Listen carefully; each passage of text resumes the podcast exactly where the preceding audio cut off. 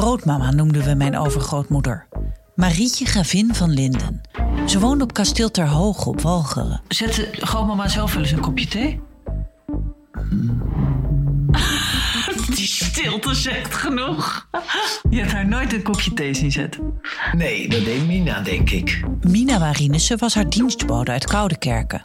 Ze bleef altijd ongetrouwd en werkte hard voor haar mevrouw. Je kon bepaalde dingen wel eens merken dat ik dacht, doe je mond open.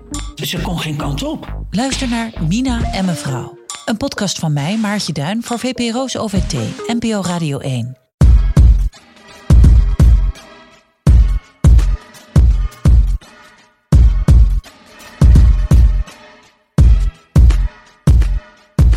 Welkom bij de Eeuw van de Amateur, aflevering 31. En deze keer eh, hebben we Maarten Westerveen te gast. Maarten, welkom. Eh, we kennen elkaar van de VPRO.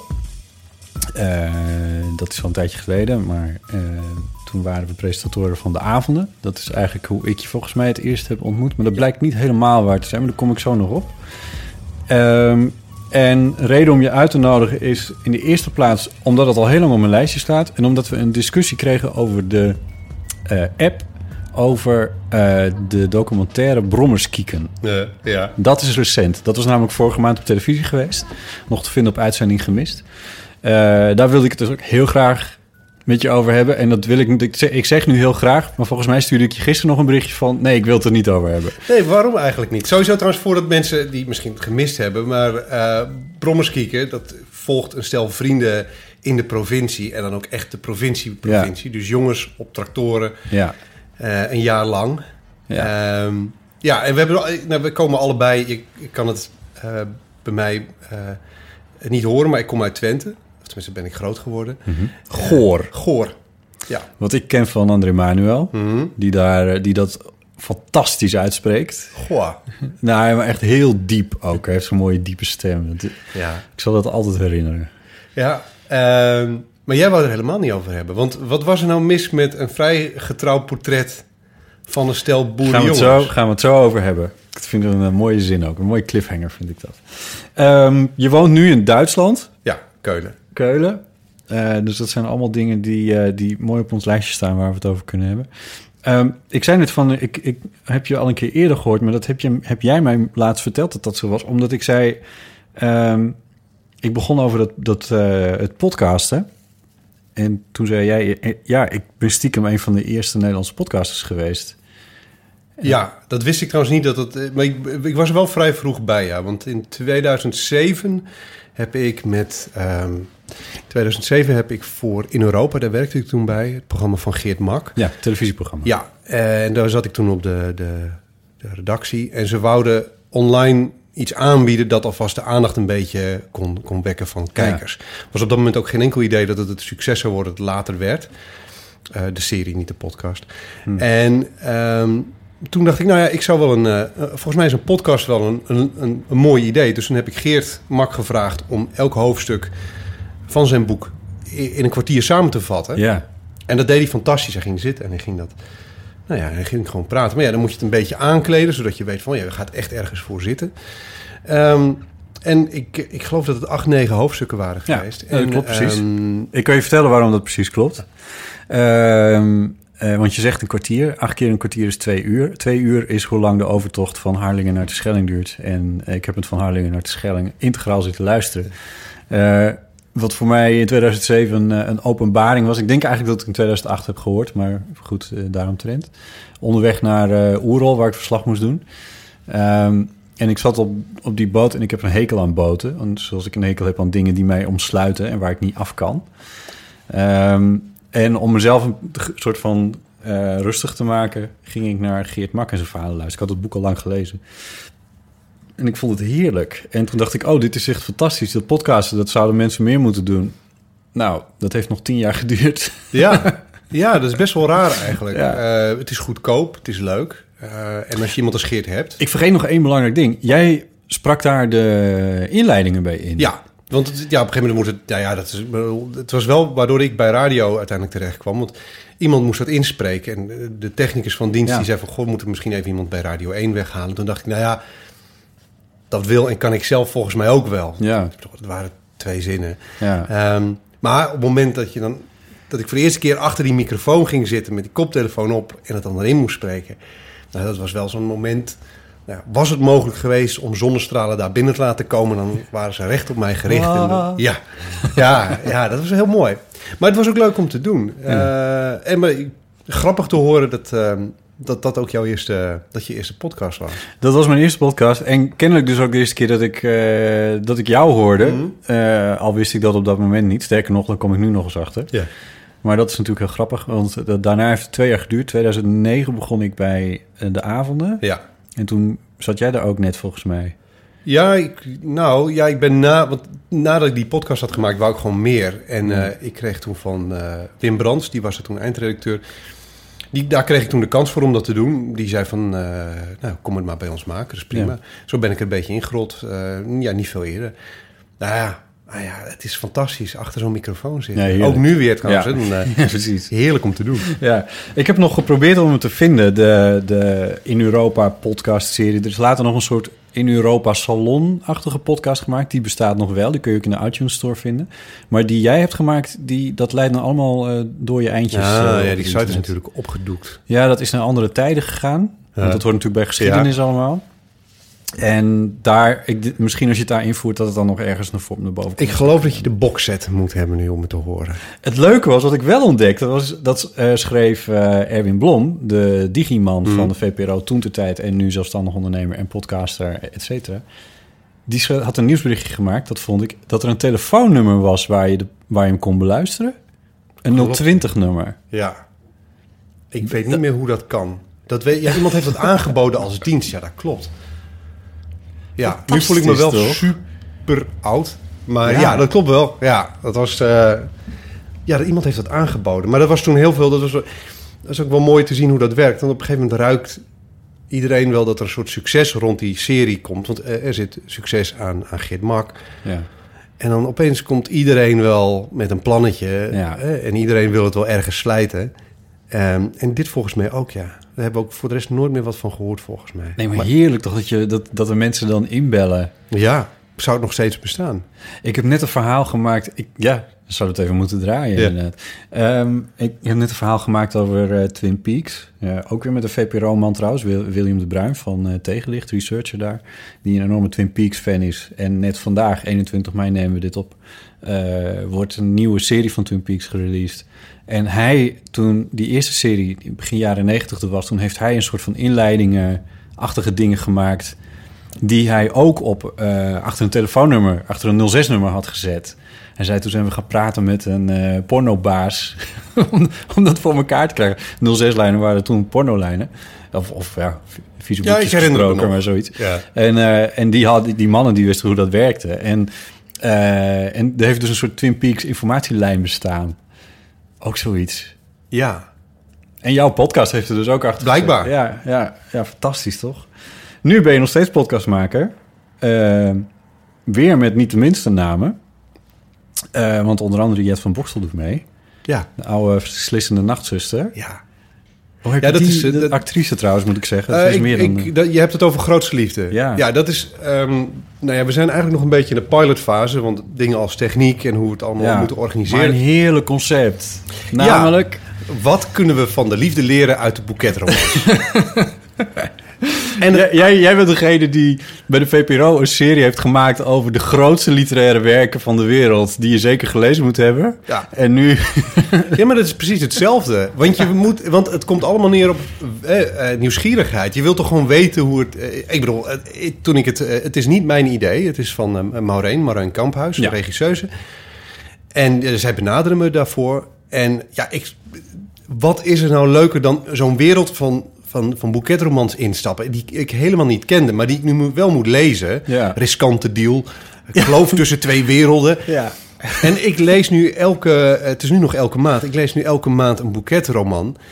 En ik moet zeggen, het, het is fantastisch. Het is soms echt gekmakend slecht. Ja. Eh, maar van, de, ook van slechte eh, dingen kan je heel veel leren. Soms juist wel, wel meer, geloof ik. Maar slecht, slecht in smaak of slecht in techniek? Eh, nou ja, bijvoorbeeld er is, eh eens even kijken, was dat een riskante deal? In riskante deal en ik kan het je echt niet helemaal meer reproduceren, maar het gaat tussen een man en een vrouw. Die neef en nicht zijn. Dat weet ik toevallig, want ik heb net nog weer zitten Ah luisteren. Ja. goed. Maar die zijn, ja, ze, en ze zijn neef en nicht van elkaar. Maar dat is een beetje aangetrouwd. Maar je krijgt die informatie al vrij vroeg in het boek.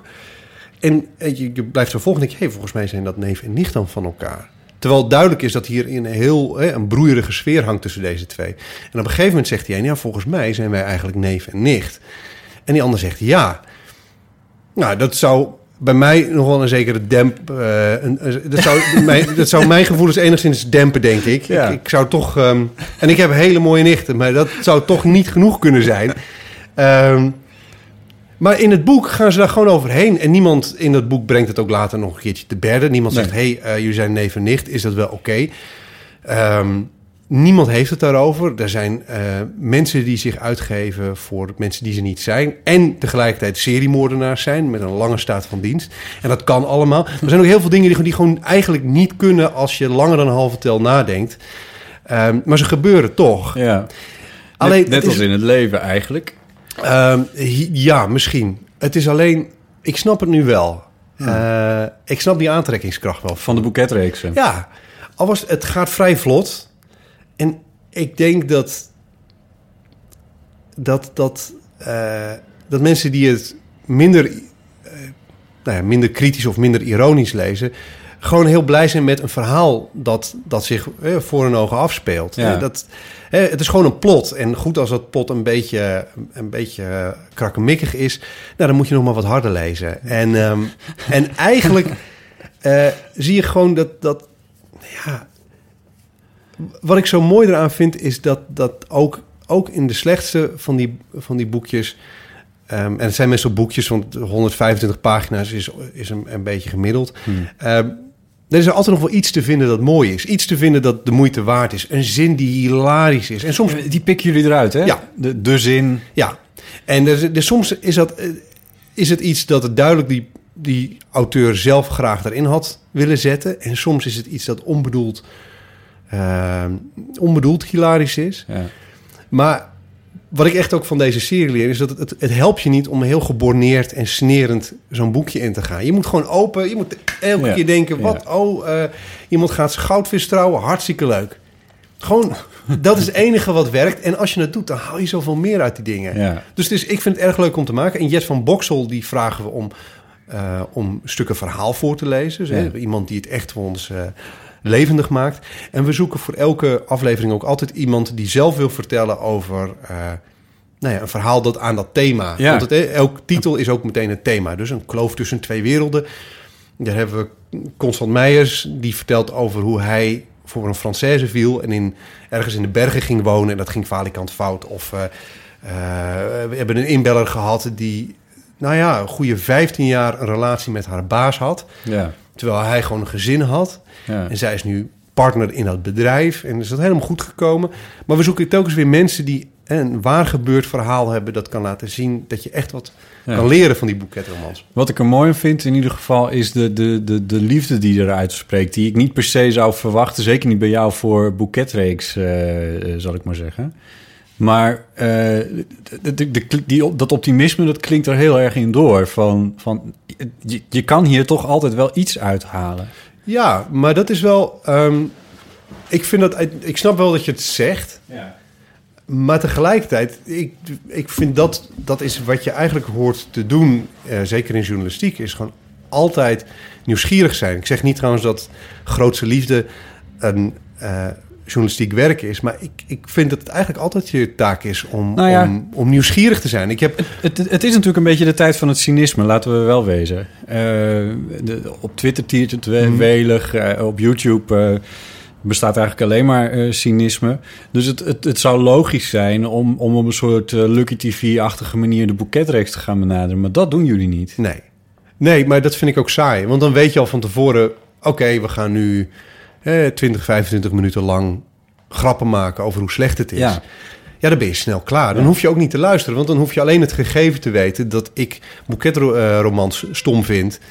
En dan ben je klaar. Ja. Dan kan je die 25 minuten ook wel besparen. Ja. Het is in alles, je moet de schoonheid erin vinden. En, en ik moet zeggen, in mijn eigen werk... ehm, probeer ik dat ook altijd wel te doen. Je toch altijd je open te stellen. Ik, ik, heb, ik kan me herinneren dat ik ooit een keer een, een panelgesprek had georganiseerd voor boeken uit het andere schap. En er was iemand van de Donald Duck en daar was een chicklit. eh, Het andere schap in de zin van het niet-literaire Ja, schap. in de niet boeken- literaire, waar je eigenlijk je neus voor moet ophalen. Dus eh, Donald Duck, chicklit, was een fantasy-schrijver.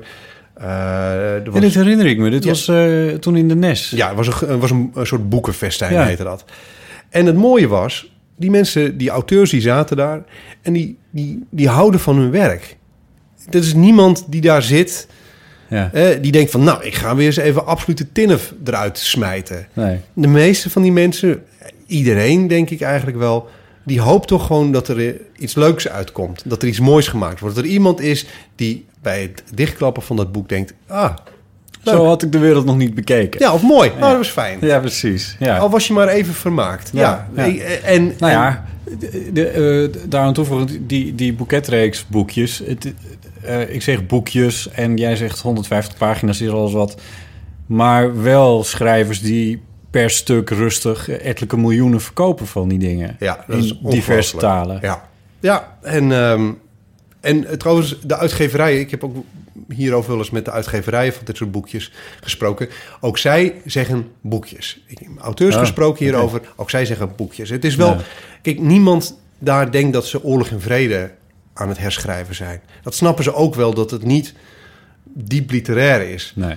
Maar wat ze tegelijkertijd beseffen... is dat dat geen enkele rem op het plezier zou moeten zijn. Nee. En lezen doe je toch voor je plezier. Ja. Ja. En dat is denk ik ook... ehm, ja, daarom vind ik cynisme ook niet zo interessant. Je, als je het niet voor je lol doet of voor je plezier doet... omdat er, eh, omdat, als er geen innerlijke motivatie achter zit... wat is Ja, dan het wat punt? is het dan? Ja, Ja. precies. Ja, ja. Nou, mooi. Ehm, eh, het heet eh Grootse Liefde. Je zegt dat het nog in de pilotfase zit. Nou er ja, zijn drie we- afleveringen gemaakt. Ja, Belachelijk weinig luisteraars, als ik eh, eh, eh, Soundcloud eh, mag geloven. we hangen het, hebben het ook nog niet. Daarom is het ook echt... ehm, we hebben het ook nog niet... Nee, maar Oh, ik kan, het echt, ik kan het wel aanraden aan het luisteren van de Eeuw van de Amateur. Want het is een... eh, bijvoorbeeld die derde die jullie gemaakt hebben... waarin jij ronduit zegt van... nou ja, hier heeft een vrouw... een soort mannelijke erotische fantasie opgeschreven... in 150 pagina's. Ja, dat was prachtig om naar te luisteren in Nou, geval. nou, dank dus je. Dat is, eh, dus dat is wel heel erg leuk. Kijk, de kwaliteit, we werken er nog aan. Want eh, we, we proberen daar gewoon... Dat, het moet op een gegeven moment zo glad mogelijk klinken. Eh, maar we zijn ook gewoon onze vorm aan het vinden. Mooie viooltjes. Viooltjes. eh, je moet ook eigenlijk gewoon... Het, eh, de, de, de, kartonnen doos met wijn moet je erbij kunnen horen. Ja, precies. Eh, dus we zijn, daarom zeg ik, het is een beetje in de pilotfase. eh, Fase, want nou ja, een, een podcast moet ook kunnen groeien en Ja. zijn, eh, zijn eigen jasje kunnen vinden. Heb je geld bij nee, de podcast? nee, helemaal geen geld. Dat is een van de uitgevers. Eh, ja. mm, ja. Nou, we zijn kijken of een dating eh, site geïnteresseerd Oh. is. Dat, Oh, dat is het volgende. Oh, ja. Eh, maar we maken er nu ook gewoon om, da- omdat we het leuk vinden. Als concept... het is in ieder geval duidelijker dan wat de eeuw van de amateur is. Maar goed, even, dat, dat is weer een heel ander verhaal. Dus dat is Weet je het onderhand al? nou, zo ongeveer. Ja. Ehm, even kijken. Ehm, iets anders. Eh, het ging al eventjes over eh, Wim Brandt. Want onlangs heb jij eh, samen met Jeroen van Kan een boek geschreven over Wim.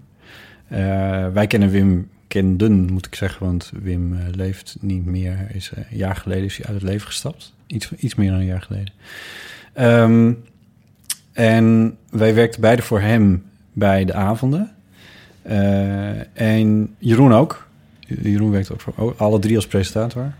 Ehm, en het boek heet eh, Alles komt goed. Wat eh, een, een verzameling is van het, het dichtwerk wat, wat Wim heeft gemaakt. Hè?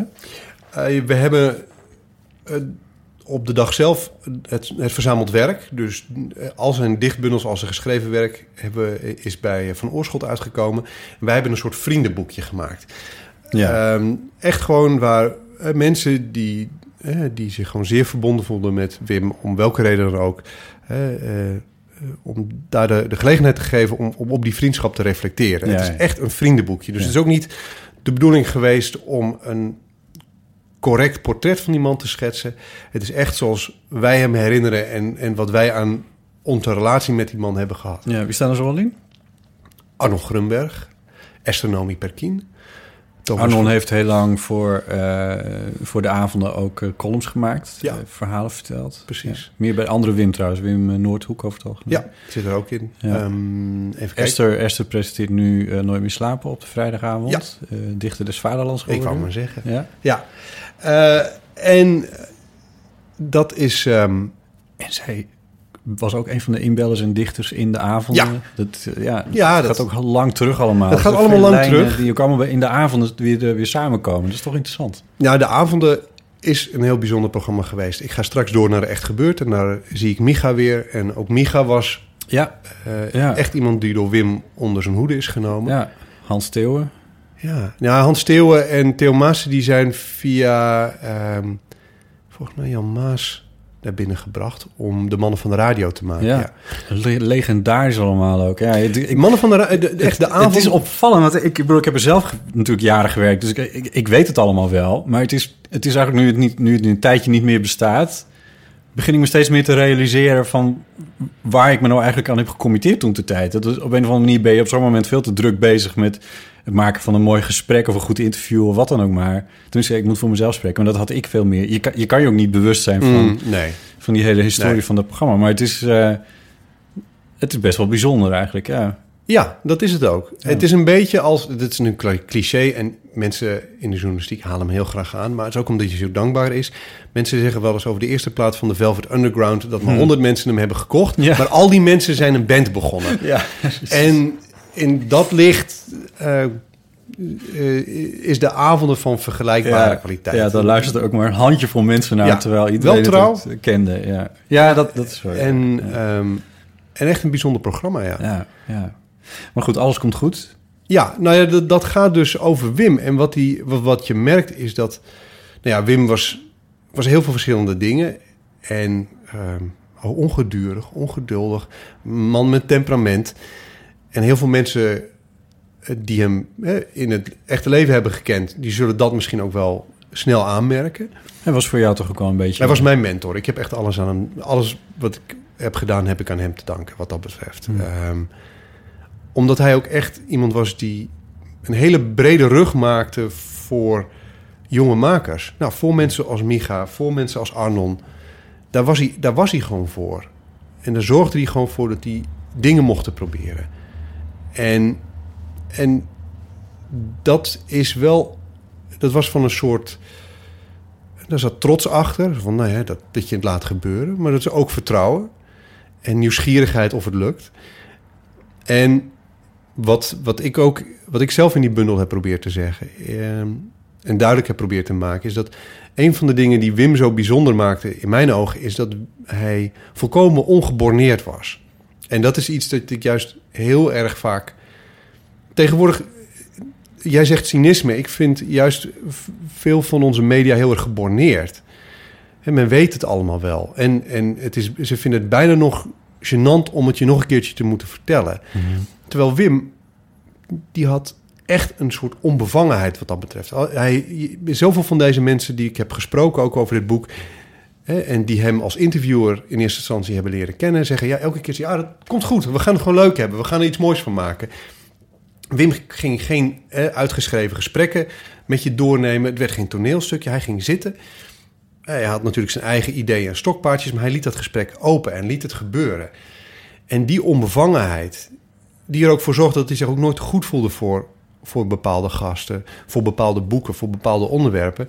Ja, die vind ik echt heel waardevol. En, en ik hoop ook dat, nou ja, dat, dat die school van denken, dat die voortgezet mag worden. Als de zendercoördinators het toestaan. Ja, ja dat, zijn, eh, dat zijn interessante mensen. Wat Ja. het daar bouwen. Nou ja, de avonden bestaan. Dankbare dus nu- boemannen overigens ook. Er zijn ook Ja. veel mensen die het ze heel handig gebruiken om te zeggen dat ze... Hè, die, ze worden ook gebruikt om eh, onpopulaire dingen door te drukken... die mensen eigenlijk zelf wel willen doen. Ja, Maar Wim vond ik echt een, een voorbeeld van een, een, iemand die in de grond... ehm, een, heel, een hele optimistische benadering had van interviewen... en van gesprekken voeren en, en van cultuur benaderen. Heel inclusief eigenlijk. hm, Ja. mooi. Het lijkt me mooi om dan zo'n boek te kunnen maken. Ja, wat ook raar is, want je loopt het risico dat je dan als een soort ehm, woordvoerder voor, zijn nalatenschap Ja, ja, ja. eh, opwerpt. En, eh, en, en nu, op dit moment, riskeer ik dat ook weer. Ehm, en dat is natuurlijk niet zo. Ik bedoel, ik was... eh, Wim was mijn mentor, maar ik was geen vriend. En in dat boek zeg ik dat ook. Hè, dat, daarvoor was, waren verschillende soorten afstanden. Hè. Hij Mm. was een stuk ouder. Hij was mijn baas. Ehm, en Wim had het sowieso wel moeilijk om vrienden te, te, te maken. Dus, dus het is niet dat ik straks bij elk panel aan kan schuiven... en je kan, je kan vertellen wat Wim zou hebben gezegd... of hebben gedacht ja, in, die, ja, die, in die situatie. ja. Maar ik maak me wel hard voor waar hij zelf voor stond. En omdat het de moeite waard is. En omdat dingen er mooier door worden. En omdat dus jongens zoals jij en ik... en Micha en, en, en Arno Grunberg... En, en dingen als de mannen van de radio... dat die dus ergens mogelijk worden gemaakt. Ja. Dat het gebeurt. Die dingen, die worden nog steeds teruggeluisterd. Ik ga nog maar... Op YouTube zijn die populairder dan ooit, dat soort dingen. Ja, en het is gemaakt en het is nog steeds dus... blijkbaar Het is nog steeds hilarisch. De mannen van de radio. Dus, er zitten... Maar dingen als, als Radio Bergijk zijn ook ondenkbaar zonder dit soort dingen. Ja, klopt dus ja. echt, Ja. die, die, die schaduw is, wordt best, is best ver... die die eh, samen Ja. met Wim Noordhoek geworpen heeft. Ja, ja, precies. Ja, dat realiseert ook niet iedereen zich. Zelfs Nee. ik niet. Nee, maar laten we het niet... bedoel, nu wordt het soort Nee. van vakblad. ehm, dat nou, niet. nou, nou, vind je? Nou, je- journalisten mogen het wel graag over het vak hebben... wat dat betreft. En dan zijn volgens mij ook weinig vakgebieden... waar zoveel prijzen zijn. Dat, eh, Nou, de musicals kunnen er ook wat van. Maar, ehm, en de filmwereld niet te vergeten. Ehm, maar, ja, ik weet niet. Ja, misschien is dat wel een beetje zo. Noem jij jezelf journalist? soms. Ik begin er steeds meer moeite mee te hebben om mezelf journalist te noemen. Waarom? Ja, ik weet niet. Ik, ik, ik, ik weet het eigenlijk niet zo goed. Ik, dus Wat is een journalist dan? Ja, precies. Dat is een beetje waar ik mee zit. Van wat is een journalist? Ik zie mensen die zichzelf journalist noemen waarvan ik denk... jij doet absoluut niet wat ik doe. En ik heb er heel veel moeite mee met de manier waarop jij je werk doet. En ik wil daar eigenlijk niet mee geassocieerd worden.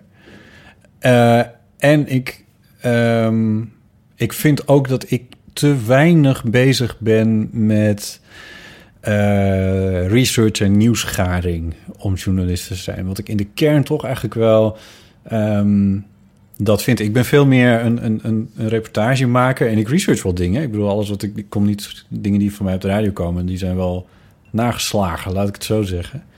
Eh, maar om je dan journalist te noemen, ja, ik weet het niet. Nee, nou ja... ehm, Ik vind het nog steeds ergens wel, een, wel, wel mooi en een soort eer. ja. Maar het is ondertussen ook zo'n vrij beroep dat, het- dat ik, ja, ik weet, ik weet niet zo goed meer wat het betekent. Ik, heb, ik weet niet zo goed meer wat het betekent. Oké, ja. nou ja, dat, ik denk dat, ja, daar ben je niet de enige in. Ik, eh, en dat is ook wel, Zal ik een bruggetje maken? ja, maak maar een bruggetje. Eh, is eh, Geert-Jan Lastra, heeft hij een, een journalistiek werk afgeleverd met zijn documentaire Brommerskieken? dat vind ik wel een leuke vraag, want wat hij doet, hij geeft een in mijn ogen heel getrouw beeld van een wereld die eh, meestal anders eh, wordt getoond. Dus ik, eh, laat ik het zo zeggen. Het is, een, het is bijna pure verslaggeving in die zin. Je ziet echt gewoon wat er gebeurt. En daar mag je dan zelf mee doen. En daar mag je zelf mee aan de haal gaan. Dan mag je zelf over gaan nadenken wat het betekend heeft dat je daar gezien hebt. Dus in die zin, het is heel puur. Ik, er zit nauwelijks, tenminste zover ik het kon zien... er zit nauwelijks manipulatie in. Eh, bijna Dus- geen voice-overs bijvoorbeeld. Nee. Eh, weinig eh, echt drama. Waar dra- manipulatie in de zin van? nou, waar, is, waar de documentaire scènes heeft, waar het gebeurt. Hè, waar, oh, nu, hè, de, de momenten waar je naderhand dan met andere mensen over praat. Er zit er eigenlijk vrij weinig in. Eigenlijk. Er zit heel weinig in dat goed citeerbaar is, wat dat betreft. Ehm, en dat, dat is juist, ik vind dat, dat is in die zin de kracht van die documentaire. Want ja, dat is ook een wereld die zich niet zo laat citeren. Hij zei er zelf over, ik heb het nog eventjes nageslagen. Het is, het is 90 minuten. eh, uitgezonden, wanneer was het? Half april, zoiets. Ja. Ehm, en hij zei er zelf over in Metro, daar werd hij de dag erna zo geïnterviewd. Want eh, het was dan even spannend hoeveel mensen er naar gekeken hadden. Ik geloof iets van 700.000 of zo. 900.000. Echt 900.000. Echt heel erg veel. Tenminste, ja, dat vind ik veel. Ik weet niet zo goed. Maar volgens mij, eh 8 uur journaal op goede dagen heeft 2 miljoen. Dus dan doe je het met, voor een documentaire met eh 900.000. Dan doe je het echt heel erg goed, volgens mij. Ja. Ehm, Hoewel dat misschien het punt mist. Want nee, nee, het gaat me niet om die kijkcijfers, maar meer Nee, over... nee, van- maar van nee, wat- want ik wou zeggen, bijvoorbeeld die, die je had die soapserie, die, of die serie die, eh, die Herman Vinkers had gemaakt voor RTV Oost, van Jonge Leu en Olle Grond. Ja, Dat waren ook 400.000 kijkers. ja. En dat is dan echt gewoon alleen maar RTV Oost. Maar dat is gewoon, dat is voor, voor een heel groot deel is het dus. Er zijn Ja. heel veel mensen die gekeken hebben. Omdat Heb jij voor een regionale gewerkt ooit of niet? Ehm, nee, ik ken er wel, maar ik, ken, ik ben wel bevriend met mensen Ja. die dat gedaan hebben. Nou ja, bijvoorbeeld met mij. Ja, oh Ik heb voor Omroep Friesland gewerkt. En het interessante wat ik eh, gemerkt heb... toen ik daar werkte... dat was in eh 2005 heb ik daar gewerkt. Een jaar lang. Gewoon echt elke dag zo'n beetje op de radio. Dat je daar binnen... bij zo'n regionale omroep... binnen drie maanden... wisten de mensen die ik ging interviewen en zo... die wisten wel ongeveer... oh ja, jij bent, oh ja, jij bent Botte Jellema. De, je bent... de- gewoon, dat is regionale radio. Hmm. Je bent daar zomaar een, een soort entiteit. En nog opvallender was mijn, wat mijn ouders dan te horen kregen. Het hele dorp had het erover. Dat die jongen van Jellema op de radio was. Die, die ehm, de, de, echt als adverteerders dit horen... Ga adverteren bij een regionale omroep. Want die hebben de, het grootste deel van de mensen luistert. Het is echt waar. Die, die cijfers heb, die zijn ook wel bekend. Het is ongeveer vergelijkbaar met eh 538, is een van de grootste zenders in Nederland. Maar het is, er luisteren ongeveer evenveel mensen, eh, zeg maar op regionaal niveau, hè, in percentage. Als je in Friesland luisterde, eh, percent- percentueel gezien evenveel mensen naar 538 als er naar Onder Friesland luisteren. Dat verwacht niemand, maar het is wel echt waar. Zelfs meer raar, nog. Maar meer het is nog toch best raar eigenlijk dat je dat niet verwacht. Nou, ja, ergens. Dat is toch eigenlijk best raar, want mensen willen toch ook gewoon weten eh, wat er gebeurt Ja. in hun omgeving. Die, mensen, de meeste mensen willen zich ook op een of andere manier wel verhouden daartoe. Ja, en je leest, je leest eh, ik bedoel, ik lees NRC en ik lees natuurlijk het, het blaadje van de Weesperbuurt. Dat, dat, dat zijn, dat, ik bedoel, ja, natuurlijk wil je weten wat er in je buurt eh, eh, gebeurt.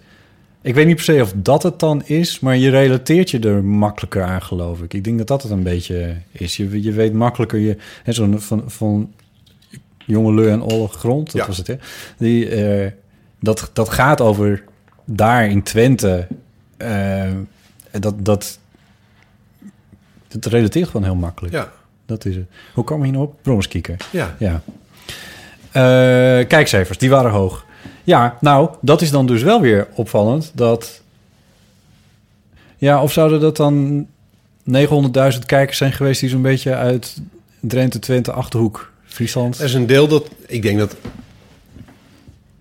Ik denk dat een Eh. groot...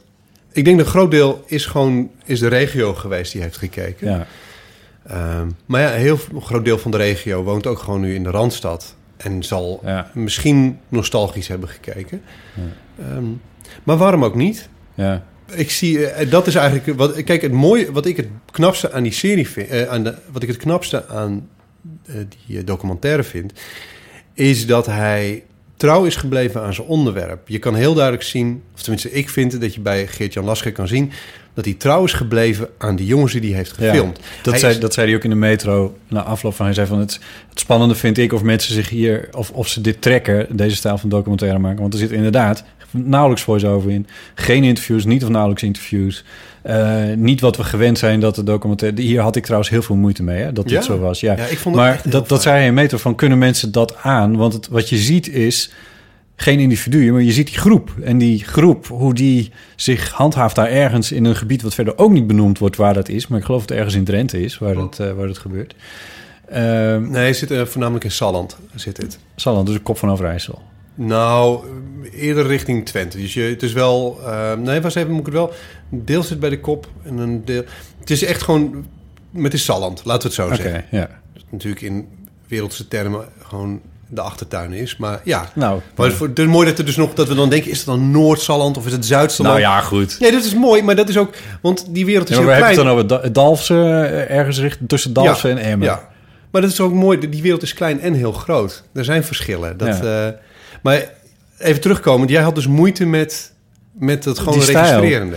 Ja, omdat eh, ik had het dan met, met, met- ook nog met mensen over die, die er ook naar zaten te kijken. En toen, toen want ik dacht van, wat, wat, wat gebeurt hier nou eigenlijk? Of wat gebeurt hier nou eigenlijk niet? En wat er niet gebeurde was, die groep bleef een groep en die individuen groeiden niet uit tot persoonlijkheden waar ik wat mee heb. Of zo.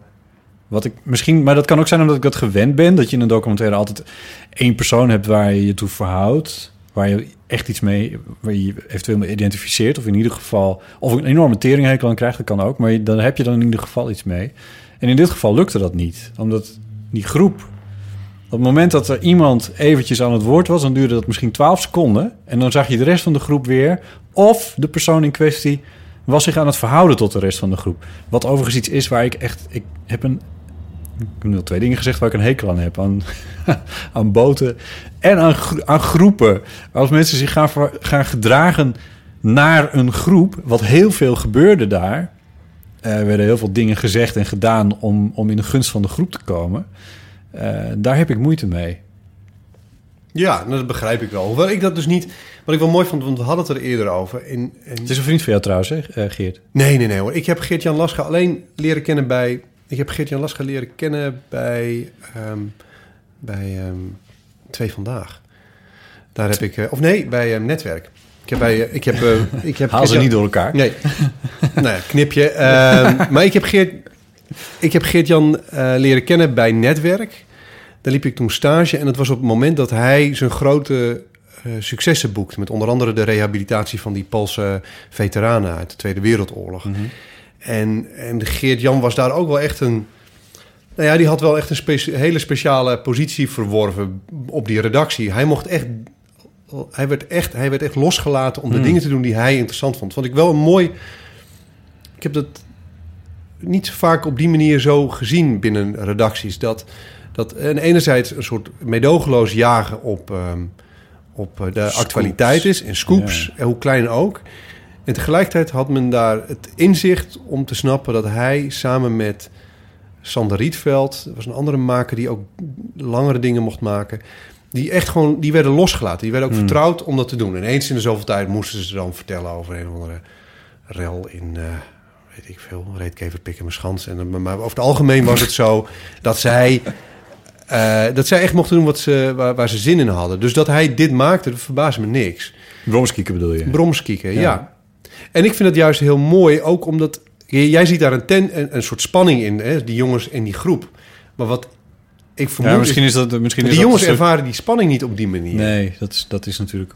En er is natuurlijk een zo. beetje geroddel en eh, af en toe kanker je om elkaar. En eens in de zoveel tijd maak je, hè, eh, eh, neem je elkaar in de zeik. Maar ik denk dat die Ja. jongens die, die ervaren die spanning niet die jij ervaart. En daarom is die serie dus ook zoals die is. Omdat die jongens niet die behoefte hebben om zichzelf op die manier eh, persoonlijk te uiten. Ja. Ik vind dat heel, ik vind het echt heel mooi en heel bijzonder dat hij het heeft laten zien zoals het daar.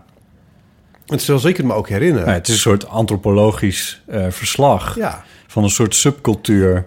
En je wordt niet gemanipuleerd om dus het in een soort verhaal met een boog te Maar zien. je, dat is wel mooi allemaal. Maar dan hoef ik het nog niet. Dan hoef ik nog steeds niet blij te zijn. Of oh, hoe zeg je dit? Ik, eh, Was het gewoon traumatisch voor je? ja, een beetje. Omdat ik die groep, die groepen op het platteland en zo, ik ken dit heel erg goed Ja. uit, eh, uit Friesland. Eh, waar ik vandaan kom, eh, ergens in de buurt van Sneek. Waar je die dorpen had, waar, waar ik dan ook wel kwam. Waar, waar die jongens eh, zo'n beetje of vanaf hun eh, de 12e, 13e, 14e begonnen te drinken. En hoe meer, hoe beter. En, en een beetje tegen elkaar opdrinken. En achter de vrouw aan zitten. En, en eh, Metallica platen kopen en dat soort shit. En, en hoe harder, hoe beter. En, dat was met, dat, en ik zag dat Ja, terug. En Klinkt dat zag- traumatiserend. nou ja, traumatiserend. Nee, ik, maar ik, Nee, ik snap het wel. daar worden dingen gedaan. Ik zal je een voorbeeldje geven. Er werd, dat is een, een detail wat me echt is opgevallen. Eh, in Brommerskieken zit op een gegeven moment zitten ze te, te, te, lassen en te slijpen aan die, aan die auto's waar ze mee aan, aan de autocross meedoen. Nou, dat herken ik ook, want die autocrossen die zijn in Friesland ook heel groot. Ehm, en hoe doen ze dat? Dat lassen en het slijpen, dat, dat doen ze met de blote hand. Er zat iemand met de blote hand te lassen. Dat gaat over ettelijke wattages en voltages en wat, want dan krijg je ijzer vloeibaar. En dat hield hij met de blote hand vast. Nou elektrocuteer je jezelf niet heel snel, maar het kan wel echt heel erg gevaarlijk zijn. Er bestaan niet voor niks laswanten. En uh, slijptol ook. Had hij gewoon een blote hand, had hij dat zo vast. Uh, ik, hij had godzijdank nog wel een soort, soort slijpbril op. Ik denk dat door schade en schande zal dat dan wel weer een soort van wijsheid zijn... voor zover dat dan bekend is daar. Maar ik denk van dit is allemaal stoerdoenerij. Van, ah, dat kan zo wel even met de blote hand. Uh, waar ik van denk van, ja, maar... Ik bedoel... Ik, Jij denkt dat het onder groepsdruk is gegaan? Ja, en, en, en dit soort stoerdoenerij... Ik, ik geef je een heel heftig voorbeeld van uit, uit mijn uh, jeugd uh, met die crossauto's. Toen ik in 4 HAVO zat, toen was er een... Uh, dat was niet echt een klasgenoot, maar bij... Ik geloof dat hij bij natuurkunde wel bij mij in de klas zat. Precies, dat weet ik niet meer, maar... En die jongen die was er op een dag niet meer. En wat bleek, hij was in zo'n crossauto gestapt en was ondersteboven met die auto in een sloot geraakt. En was een, kon er niet meer uitkomen. En die jongen is overleden. Die is 16 jaar geworden, 17. Uh, en ik bedoel, ik, een crossauto, het is mooi en alles. Ik heb vroeger ook in dat soort autootjes wel gereden. Maar weet je, de, de, de ledematen, uh, gezondheid, uh, zelfs dooien vallen daarbij. Ik, ik, ja, ik, ik, om stoer te doen. Weet je wel, als het nou ergens, als het nou om overleven ging, maar daar gaat het niet om. Het gaat alleen maar over, over ja, mijn maat die, die ging die bocht door met 60 km per uur. Ik ga nu met 70. En, en dan lig je op de kop in de sloot. Ja, ik, daar, daarom heb ik een hekel aan dat soort groepsdruk dingen die ik die ik dus zag in Brommers kieken. Maar deze jongens hadden er plezier in. Ja. Dus het is dat... ook, ik, bedoel, ik wil best wel geloven dat... Nou ja, ik, voor mezelf, ik, ik, ik was gewoon een, een, een, lang, magere, rare jongen. In Goor. In Goor. Um. Ja, ook dat. Maar uiteindelijk, wat ik zo mooi vond juist, is dat, dat in, in een zekere zin... Dat heb ik pas later ook echt op waarde kunnen schatten. In een zekere zin en misschien spreek ik alleen voor Twente, maar ik vond juist ook daarin enorme capaciteit voor tolerantie. Voor echt gewoon, nou ja, die jongens zo, dat is oké. Okay. Man is vaag, ja, dat gaat ook wel. Weet je? Terwijl, nou hier, je veel vaker een soort je, je, je, culturele cv ook bij de hand moet houden. Heb je dat gezien? Vond je dit leuk? Hier in de Randstad, ja. in, in, in de literaire ik wereld. Ik vind wat dat je, betreft... de acceptatie te zijn zoals je bent... En dan maak je af en toe nog een hele domme, lompe grap over. En dan ga je weer verder. Dat... Vond je echt dat, dat je daar, dat je daar we hadden Robert, nee, ik moet, ik, we hadden daar Robert uit het dorp. En Robert was, was homoseksueel. Maar niet alleen dat. Echt, nou ja, hangende polsen, uh, buiktruitjes. Robert was heel erg in je gezicht homo. Mm -hmm. Nou, die, is, die, heeft, die heeft nooit. Die heeft eigenlijk nooit wat. Uh, die heeft eigenlijk nooit last van gehad. Daar heeft hij nooit. Die heeft daar zich nooit voor hoeven schamen of voor in te dekken. Hmm. Die jongen heeft. Die, ja, nou, die is dan zo. En dan soms maak je daar snoeiharde grappen over. En dan wordt er om gelachen. Maar uiteindelijk is niet de bedoeling dat iemand zo'n jongen buitensluit. Uiteindelijk word je er wel weer gewoon bijgenomen. En ik vind die wat ik wel mis aan de provincie is, is nu dat... niet meer wat. Nu, ik woon er niet meer, ik zou het graag weer doen. Maar wat ik wel mis is dat die, die, die desinteresse om te oordelen... en daar dus ook in dat oordeel dan daar slimmer uit te komen. Hmm. Ik vind juist dat, dat een beetje dat schouder ophalen en denken... nou ja, oké, okay. Dat vond ik juist, dat vind ik echt een kwaliteit. Ik vind dat je een optimistische visie hebt op het uh, geheel. Want ik, nee, ik heb er ook gewoond. Dus ja ik, ja, ik, kan niet vertellen hoe het in Friesland is geweest. En nee, kan... maar, nee, maar ik kan wel... Ik, ik, ik bedoel, in Brommerskiek zit dan ook die scène van die, die, die jongen en dat meisje die dan verkering hebben. Geloof zelf verloofd zijn of dat willen. Iets in die geest. En hij zit aan de keukentafel en zegt op een gegeven moment... Ja, uh, ja zij, zij gaat schoonmaken. En dat en, en daar wordt verder ook niet... Zij, zij knipt het niet eens met de ogen. Zo, zo, is het daar altijd gegaan. En er worden verder ook niet echt vragen over gesteld. Terwijl... Ja, ik denk van ja, ja, ja, ja. Het is wel een beetje jammer op zichzelf. Maar wat als deze mensen daar zelf geen probleem mee hebben? Want dat, is, ja, dat vind ja, ik juist... Ja, ik vind het prima... Ik, ik kan mezelf niet voorstellen dat ik het Nee, zou maar, hebben. maar dat, dat, dat, dat is mooi dat ze er geen problemen mee hebben. Maar ondertussen denk ik, misschien... Ik weet niet of ze daar geen problemen mee Net hebben. wel, in diezelfde documentaire gaat ook een meisje... die gaat erop uit, die gaat studeren. Die, en ik ken het ook niet anders. Dat zat van die, zat van die jongens die gaan nog gewoon ergens studeren. En een deel komt terug en een ander deel dat blijft gewoon hier hangen. Ja. Maar je, Nederland is ook gewoon niet groot genoeg... om je op die manier op te sluiten. Ik bedoel, zelfs als je... Hè, zelfs diep in Twente of diep in Friesland... dan ben je in no time in Amsterdam. Bedoel, daar ben je echt zo. Drie uur max kan het je kosten om in eh, Amsterdam te komen. Als het allemaal echt te zwaar wordt. En, ik, en wat ik juist mooi vind, is dat, dat de, enorme... eh, ja, Geert-Jan Lasche had het ook gezegd, maar... de vrijheid die je ook ziet. En niet de hele tijd... eh, Niet wordt, waar, die, wat ik wel mooi vind, is die mensen helemaal niet zoveel bezig zijn met het framen van alles. Dus met alles dus in een soort kader stellen. Oh, dus zo, dit is zo en zus is zo. Eh, veel minder bezig met zichzelf. Eh, er zo- er zijn veel, wat dat betreft, ook minder... Het beeld dat je krijgt is van, van een cultuur die minder zelfbewust is. Gewoon minder bezig is om zichzelf naar anderen toe te verklaren. Ja, dat is intellectueel misschien minder nieuwsgierig. En mm, ja, ik zou dat op een gegeven moment ook saai vinden. Maar ik vind het mooi dat het ook bestaat. En Ja. dat, eh, want de mensen die dat niet willen, die kunnen gewoon weg. In de tijden dat je gewoon vastzit in Ja, maar dat is reizen- toch vreselijk dat Ja, je dan jou. weg moet omdat je niet mee wil doen aan wat daar gebeurt. Het is toch bijna... elke ik groep- bedoel, er worden nog geen pek en gewoon- veer achteraan gesmeten. Maar, Ja, maar dat- je gaat toch niet je kan me niet vertellen dat je hier niet. eh, hier stap je gewoon in andere groepen met andere regels. En de groepsdruk is hier van een andere orde en met nee, maar andere ik zeg, niet dat, ik, ik zeg niet dat je, dat je hier naartoe moet. Maar wat ik, wat ik dus vreemd vind, is... De, ah, ik jij, had- vindt, jij, jij vindt het vervelend dat deze jongens tevreden zijn met iets waar jij nooit nee, tevreden ik mee zou geloof niet zijn. dat ze tevreden zijn. Dat is het. Nou, dat is nog belerender. Ja, ja, precies. Maar ik vind het... Ja, nou goed, dat ben ik dan maar. Eh, ik geloof niet dat het van hun komt, laat ik het zo zeggen. Maar... eh, Maar zijn ze dan te dom in jouw ogen? Nee, dat geloof ik niet. Waar, ze, waar ik ze... eh, nee, sowieso vond ik dat ze erg underdog-positie voor zichzelf eh, eh, innamen. Wat volgens mij ook niet hoeft. Dus er zit wel een trots in, maar ja, je had altijd de grote stad en dat was dan toch meer. Zelfs als ze zich tegen afzetten, dan merkte je daarin dat ze, dat ze er tegenop keken. En ehm, nee, ik, wat, ik, wat ik juist mis, is die. Is dat ze zichzelf vragen stellen eh, over of de dingen die ze aan het doen zijn op de goede manier doen. En dan, en dan heb ik het eventjes over iets heel simpels als dat als je gaat lassen, dat je dan een paar laswanten aantrekt. Maar dan heb ik het ook over ehm, of je misschien niet iets meer naar eh, aan jezelf zou moeten werken.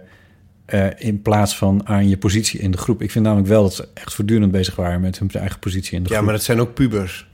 En pubers nee, nee, zijn... nee, dat, dat uiteraard. Dus, dus Maar- dat is, die, die, die nou, wacht zijn, even. Die zijn dit, alleen dit maar waren geen met- pubers. Dit waren volgens mij twintigers. Nou, nee, dit waren jongens die... eh nou ja, ze waren nee, niet nee, heel je jong. gelijk. Je hebt gelijk. Het Ja. waren, ja, nou, dus 19-jarigen, nee, laten we dat nou, zeggen. Ja, dat, die noem je toch geen pubers meer? Nou, 18, eh, ze waren echt, ik bedoel, net de... Adolescenten. de- adolescenten, Ja. prima. Maar dit zijn eh, in een leeftijdsgroep waar je dus per definitie met dat soort dingen bezig bent. Ik vind het wel mooi. Ik vind het ook niet, eh, niet maar niet... Ik vind het mooi omdat het zich dus onttrekt aan heel veel van de eisen die wij aan onszelf stellen. En ik weet niet of wij daar gelukkiger van worden. Dat gevoel dat je de hele tijd over dit soort dingen na moet denken en bezig mee moet zijn. Nee. Deze mensen waren uiteindelijk, ik kreeg het idee, gelukkig. En misschien verandert dat, want ja, het zijn ook het zijn jonge mensen, dus dat gaat allemaal nog allerlei andere kanten op. Maar in de regel v- troffen ze me als heel gelukkig. En, en ook wel met een inzicht dat ja, er is een zekere. Aan het eind wordt het ook gezegd: ja, als je alles hier hebt wat je wil, dan waarom zou je dan ergens anders gaan zoeken? Ja, ja. Ik, Ze, ze zien die beperking ook wel ergens in. maar Nou ja, ze, ze maar waarderen dat- die beperking. Ik kan me niet voorstellen dat, want dat, zat, dat miste ik dus wel heel erg aan het feit dat er niet werd geïnterviewd. Want dit, dit waren voor een belangrijk deel waren dit ook boerenzonen die hierin in zaten. Eh, impliciet werd ook gelaten, maar dat was heel duidelijk dat hier een aantal van ook het boerderijf van mijn vader zouden overnemen. En, aan, en ik weet dat dit soort jongens die gaan op zijn minst naar eh, de middelbare landbouwschool. Eh, en er hangt dan wel heel veel boven hun hoofd. Want dat is niet probleemloos. eh, een, een agrarisch bedrijf overnemen anno 2017. Nee, maar dat is ook waarom hij deze... Dat is ook geen toeval dat hij deze... ja, maar deze jongens waren nu heel erg aan het spelen. Hè? Die Ja. waren aan het spelen met hun autootjes. Die waren aan het spelen met elkaar. En, met karbiet en met, eh, en met brommers inderdaad. Nou, brommers. Ik heb, Wat hij liet zien, kijk, voor de goede orde, het is niet een beeld van de provincie aan zich. Iets wat ik heel graag nog een keer zou willen zien. Ik zou heel graag een portret van het oosten willen zien. ja. Dat is zo mooi. Sowieso, het is zo'n mooi deel van Nederland. Maar ehm, dit is het, waar het hier om gaat, is gewoon die periode waarin deze jongens en meisjes eh, oud en volwassen genoeg zijn om allerlei dingen zelf te mogen doen. Ja. En nog niet oud genoeg om verpletterd te worden door de verplichtingen van het volwassen leven. Ja. En wat Geert-Jan Lasker laat zien, is een, een wereld waar een enorme vrijheid is. Waar je op een andere manier losgelaten wordt. Die in de Randstad gewoon eigenlijk niet meer op die manier voorstelbaar is. Ehm, hè, die jongens die dat ook allemaal zelf doen. Hè. Wat ik heel mooi vind is ook bijvoorbeeld de interactie met die ouders. Die er heel vaak heel geamuseerd zo'n beetje aan de keukentafel... een beetje zitten te kijken naar die Ja. jongens. En zijn Veel heel- van zichzelf in herkende, als ik, als ik de ja, blik een beetje mag duiden. En, en ze horen ze zo'n beetje uit. En ze, ze, en ze sturen ook niet. En ze gaan niet zeggen, je moet het zo doen. Of, eh, nou, dat Nee. had ik ook. Wat ik heel mooi vind, is dat in die interactie met die ouders... zie je ook, die, worden, die, die geven aandacht, maar ze, ze sturen helemaal niet. En dat, dat is wat, denk ik, wat je moet overhouden aan... of wat je over kan houden aan die film. Namelijk, dit is iets heel bijzonders. Dat je nog op zo'n manier, eigenlijk zo, zo vrij... eh, je plek mag vinden. En- Valt nu voor de derde keer in dit gesprek het woord vertrouwen? ja, dat is denk ik, dat past er wel, ja. En die jongens hebben ook vertrouwen. Dat is enorm. Die jongens stralen in zekere zin. Ze weten wel wat ze doen. En dat, natuurlijk loop je later misschien nog wel klappen op. Maar ik denk, dat treft mij. Dat, dat herken, vond ik ook wel heel herkenbaar uit, uit in ieder geval uit het oosten. Een bepaald soort relativerend zelfvertrouwen, ja. Grappig is dat jij nu nog oostelijker woont. Ja, ja, ja. Keulen. Ja, Je verdeelt de tijd tussen eh, Keulen, Utrecht, een beetje Amsterdam, ja ik, Eh. ik ben Feyenoord supporter en ik heb eigenlijk... Rotterdam dus. Ja, en ik heb eigenlijk... nog. Dankjewel. En ik heb... Met name toen ik voor de VPRO begon te werken... kwam ik opeens meer en meer in contact met Ajax-fans. Dus wat dat betreft... Ik, het is een soort gecultiveerde haat die je dan voor Amsterdam hebt. Ehm, Ja, die heb je altijd gehouden. die ja. hebben altijd gehouden. Maar het grappige, nu ik buitenlander ben... eh, waardeer ik het opeens een stuk meer. En ik kom meer dan... Ik ben nu eigenlijk... Dat is grappig. Je hebt je net eigenlijk een half uur lang tegen Amsterdam afgezet. Nee hoor, nee, nee, nee, nee. Nee, nee, Even nog terug dan. Nee, ik vind juist dat is gewoon een andere wereld. Met zijn eigen regels en zijn eigen Ja, ja. Dat, heeft, dat, dat hoef je helemaal niet af te zetten. Het is gewoon iets anders. En ik vind dat is mooi. Maar ik woon nu inderdaad een flink deel in Duitsland. Ja. Ik wil een beetje afronden. Is die eh, eh, komt eh, van uh, Grootste Liefde.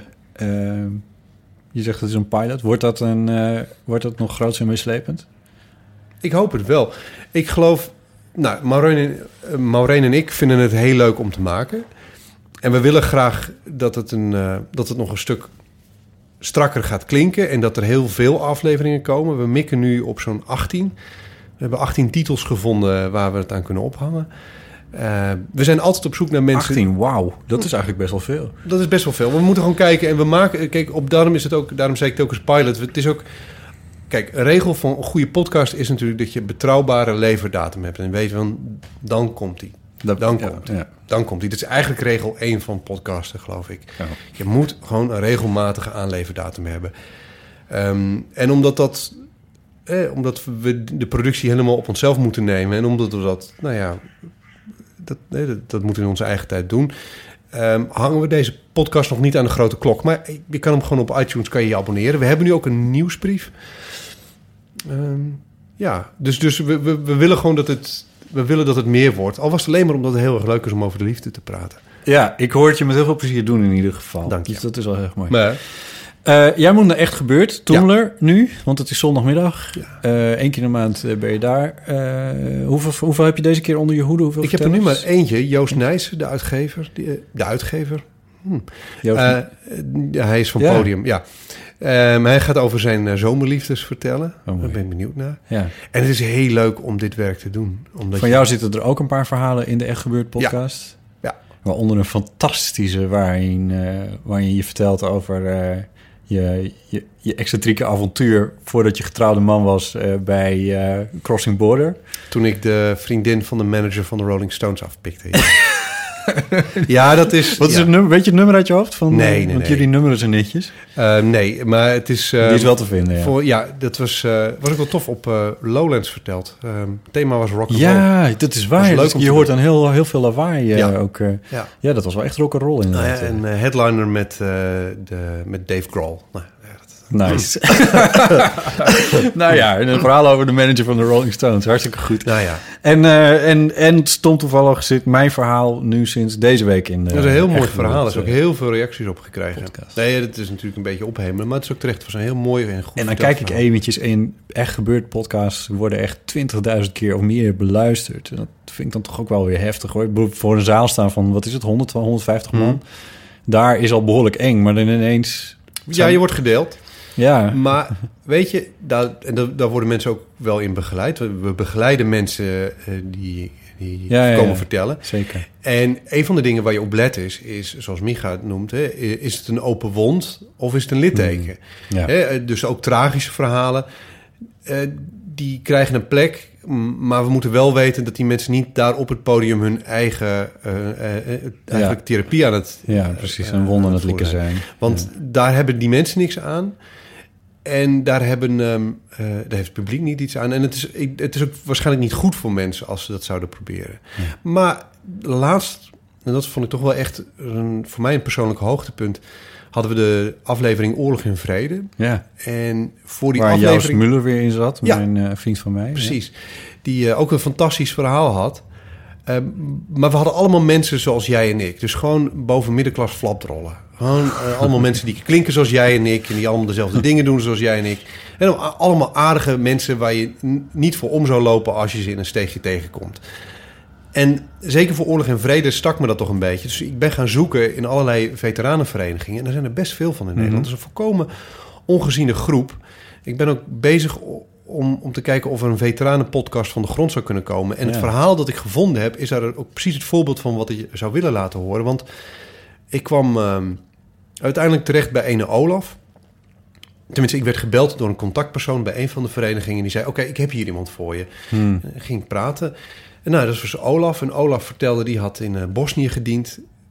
En ehm, nou, die was, bij, die was in het leger gegaan omdat... Nou, die wou wel dingen meemaken. En dat was een wilde jongen. En, ehm, en op die, eh, hij zat op een grote truck en dan vervoerde hij dus proviant van een naar de andere plek. En dus ook eh, dingen als drank en sigaretten en brieven. Dus dingen die je voor soldaten toedoen. Ehm en hij vertelde dus hoe hij op een van die ritten overvallen werd. Want ja, drank en sigaretten zijn Mhm. populaire, populaire dingen in Ja. een oorlog. En hij, eh, hij gaat zijn truck uit. Hè. Er staan allemaal mensen daar rond die truck. En die willen allerlei dingen van hem en zo. En hij vertelt hoe hij daar met vrij veel kracht zich daar door die, door die, die groep baant. Het is een hele grote vent. Je moet echt een Theo Maassen-achtige man. Kaal geschoren, beer van een vent. Echt eentje waar je gewoon voor om zou lopen. En hij vertelt dus dat hij iemand de truck in ziet er klimmen. En hij ziet nog een wapen. En hij weet van, oh ja, oké, hij heeft een wapen. Dat betekent nu, nu, nu mag het. hè. Want nu mag hij dan schieten. ja, ja. want hij Ja. snapt, oké, dus je hebt bepaalde Ja. orders, bepaalde dingen mogen wel, bepaalde dingen niet. En hij weet, vanaf nu mag ik gaan schieten. Ja. En dit is een wilde jongen. Dus die veiligheid, Paul gaat eraf. En die, die maakt zich klaar. En, ehm, en hij zet zich schrap. En hij draait in. En ehm, ja, dit is super flauw. Maar je, eigenlijk moet je dus nu maar gewoon het verhaal bij echt gebeurd gaan luisteren. maar ik kan je vertellen... Komt hij in de podcast, deze? Ja, dat is een fabelhafte... Het is echt, ook omdat je merkt gewoon in de zaal... zag je ook gewoon die mensen die reageerden op Ja. die fysieke aanwezigheid. Ja. Want het zijn altijd jongens zoals jij en ik. Het zijn, of, en ook als het vrouwen En ineens staat deze grote gorilla daar, die beer. Er was een enge man. Ja, En dat, dat zorgde gewoon voor een hele andere dynamiek. En ja, ehm, eh, dat soort dingen, daar, daar zoek je naar. Ja, Zullen we het gewoon geheim houden? Want Ik, toevallig heb je het me al een keer verteld, dus ja ik, nee, ik weet het mensen moeten het echt gaan luisteren. En ik kan ook niet, mensen niet genoeg aanraden om... Het zal nog een maandje duren, denk ik. Eh, het zal wel juni worden voordat hij online komt. Waarschijnlijk wel. Maar dit is wel echt een... ehm, nee, er zijn heel veel mooie verhalen. Ja, En, zeker. eh, Het is, een, eh, het is niet voor niks dat daar 20, meer dan 20.000 mensen naar... het is naar zo leuk. Het is zo leuk. Ik wens je veel plezier vanmiddag. Dankjewel. Met Joost en eh, met nog eh, vijf andere vertellers. ehm, in Toemler.